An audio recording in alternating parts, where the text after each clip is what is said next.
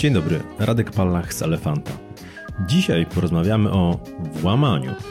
A tak dokładniej o tym, co zrobić po włamaniu. Każdy, kto doświadczył włamania do mieszkania, doskonale wie, z jakim szokiem się to wiąże. Po powrocie z pracy, z wakacji czy z wyjazdu, widok splądrowanego wnętrza potrafi naprawdę załamać. Pamiętam swoją historię włamania do mieszkania. Odebrałem telefon jak gdyby nic. Sąsiad powiedział, panie Radku, miał pan włamanie. Najnormalniej na świecie. Karuzela nastrojów. Smutek, wkurzenie, niedowierzanie. Przecież, przecież jak to? To jest niemożliwe. Do mnie to się nie miało prawo zdarzyć. I myślę, że każdy z nas o tym myśli w tych kategoriach. Nie, to nie ja. Nie, nie u mnie. Ale tak faktycznie się wydarzyło. Okazało się później, że włamywaczem był jeden z sąsiadów. Tak na marginesie.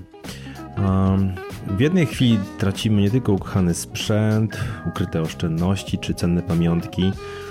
Ja traciłem także żelazko. Ale najważniejsze, że tracimy również poczucie bezpieczeństwa. Ktoś był u mnie w domu, ktoś plądrował. A, fatalna sprawa. A w takiej sytuacji pod wpływem silnych emocji mamy w głowie pustkę i najczęściej czasami nie potrafimy, nie potrafimy się racjonalnie zachować i, i Ludzie mają absolutnie dziwne pomysły, zaraz o nich opowiem. E, ale dobrze, co zrobić, kiedy faktycznie stało się? E, kiedy mieliśmy włamanie i, i, i jakich błędów nie popełniać? E, przede wszystkim, żeby nie narazić się na dodatkowe nieprzyjemności. Pierwsze, przede wszystkim nie wchodzić do mieszkania. Żelazna zasada. Numer jeden to zadzwonić na policję. Zawsze to jest numer jeden, jeżeli chodzi o, o naszą procedurę. Zazwyczaj jeszcze przed wejściem do mieszkania zauważymy otwarte drzwi lub wyłamane zamki. To te sygnały już są. Oczywiście, że pierwszym naturalnym, całkiem naturalnym odruchem jest to, że chcemy wejść do mieszkania i sprawdzić, co tam się stało. Ale to jest błąd. Po pierwsze, może się okazać, że włamywacz nadal znajduje się wewnątrz. Oczywiście to jest rzadkość, ale jednak niestety nakrywając go na gorącym uczynku możemy narazić się na niebezpieczeństwo. Tego oczywiście byśmy nie chcieli. Niezależnie od tego, czy zorientujesz się, że coś jest nie tak jeszcze na korytarzu, czy dopiero po wejściu do mieszkania, pierwszym krokiem, pamiętaj, zawsze jest telefon na policję. E, poinformuj ich o zdarzeniu, poproś o jak najszybsze przybycie. A tutaj uwaga na marginesie, to może trochę potrwać. Znamy przykłady, gdzie trwało to nawet kilka godzin. Ale niestety tak trzeba zrobić. Więc pamiętajmy, telefon na policję. Postara się niczego nie dotykać, aż do przyjazdu policji, by nie zacierać śladów i nie utrudniać im pracy.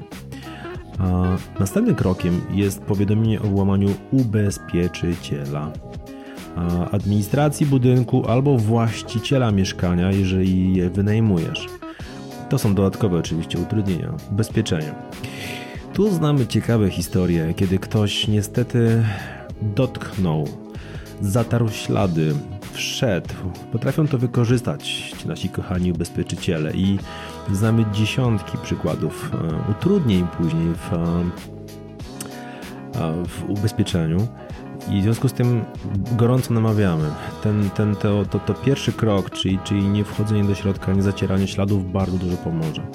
Również u, przy ubezpieczeniu. I jedna bardzo ważna historia. Nie wolno sprzątać po włamaniu. To są przykłady z życia wzięte, gdzie ktoś posprzątał, poukładał, powycierał, a następnie zaprosił policję ubezpieczyciela. Kiepska sprawa. Ciężko jest później wyegzekwować dobre warunki od ubezpieczyciela w takiej sytuacji. czas. Czas ma duże znaczenie. Im szybciej policja dowie się o zdarzeniu, tym większe są szanse na odnalezienie sprawcy oraz odzyskanie skradzionych przedmiotów. Oczywiście możemy się spodziewać, że funkcjonariusze poproszą nas o sporządzenie listy tego, co włamywacz wyniósł z naszego mieszkania. A w takim momencie emocje nie są dobrym sprzymierzeńcem, dlatego wcześniej namawiamy do prostego zadania. To też jest bardzo praktyczna część. Myślę, że może się przydać niejednemu. Namawiamy do stworzenia listy cennych przedmiotów, które znajdują się w naszym mieszkaniu, domu, biurze, firmie. Powinny się znaleźć na niej numery seryjne albo znaki szczególne naszych skarbów będą bardzo przydatne, a myślę, że moglibyśmy pokusić się o kilka zdjęć. Ta lista naprawdę może się przydać. No oczywiście niekoniecznie kiedy to się wydarzy, ale na dobrą sprawę zawsze łatwiej będzie odzyskiwać te utracone przedmioty. A zapamiętałem jeszcze jedną historię e, z życia, kiedy moje włamanie doszło do skutku. Rozmawiałem na ten temat z sąsiadem i sąsiad powiedział: Widzi pan, takie rzeczy się zdarzają. Kiedy komentowałem to, no przecież byli sąsiedzi, naokoło jest, jest tyle mieszkań. I powiedział bardzo ważną rzecz. Umiesz liczyć, licz na siebie. Zostało mi to do dzisiaj i myślę, że tą naukę warto wyciągnąć również dla siebie. Myślę, że każdy z nas musi pamiętać o swoim bezpieczeństwie, o bezpieczeństwie swojego mieszkania, domu, swoich bliskich. Jeżeli sami zajmiemy się tą sprawą, myślę, że jesteśmy, jesteśmy bliżej celu, jakim jest osiągnięcie spokoju, bo o to w tym wszystkim chodzi. Um, oczywiście, broń Boże, nie życzę nikomu takich historii, ale niestety one się zdarzają. Staram się o nich nie pamiętać, ale znowu one przychodzą, czasami w najmniej odpowiednim momencie.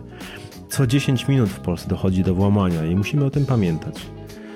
To dzisiaj na tyle z takich tematów. Postarałem się to zrobić troszeczkę praktyczniej, ale na dobrą sprawę myślę, że te informacje zawsze się przydadzą. Wszystkiego dobrego.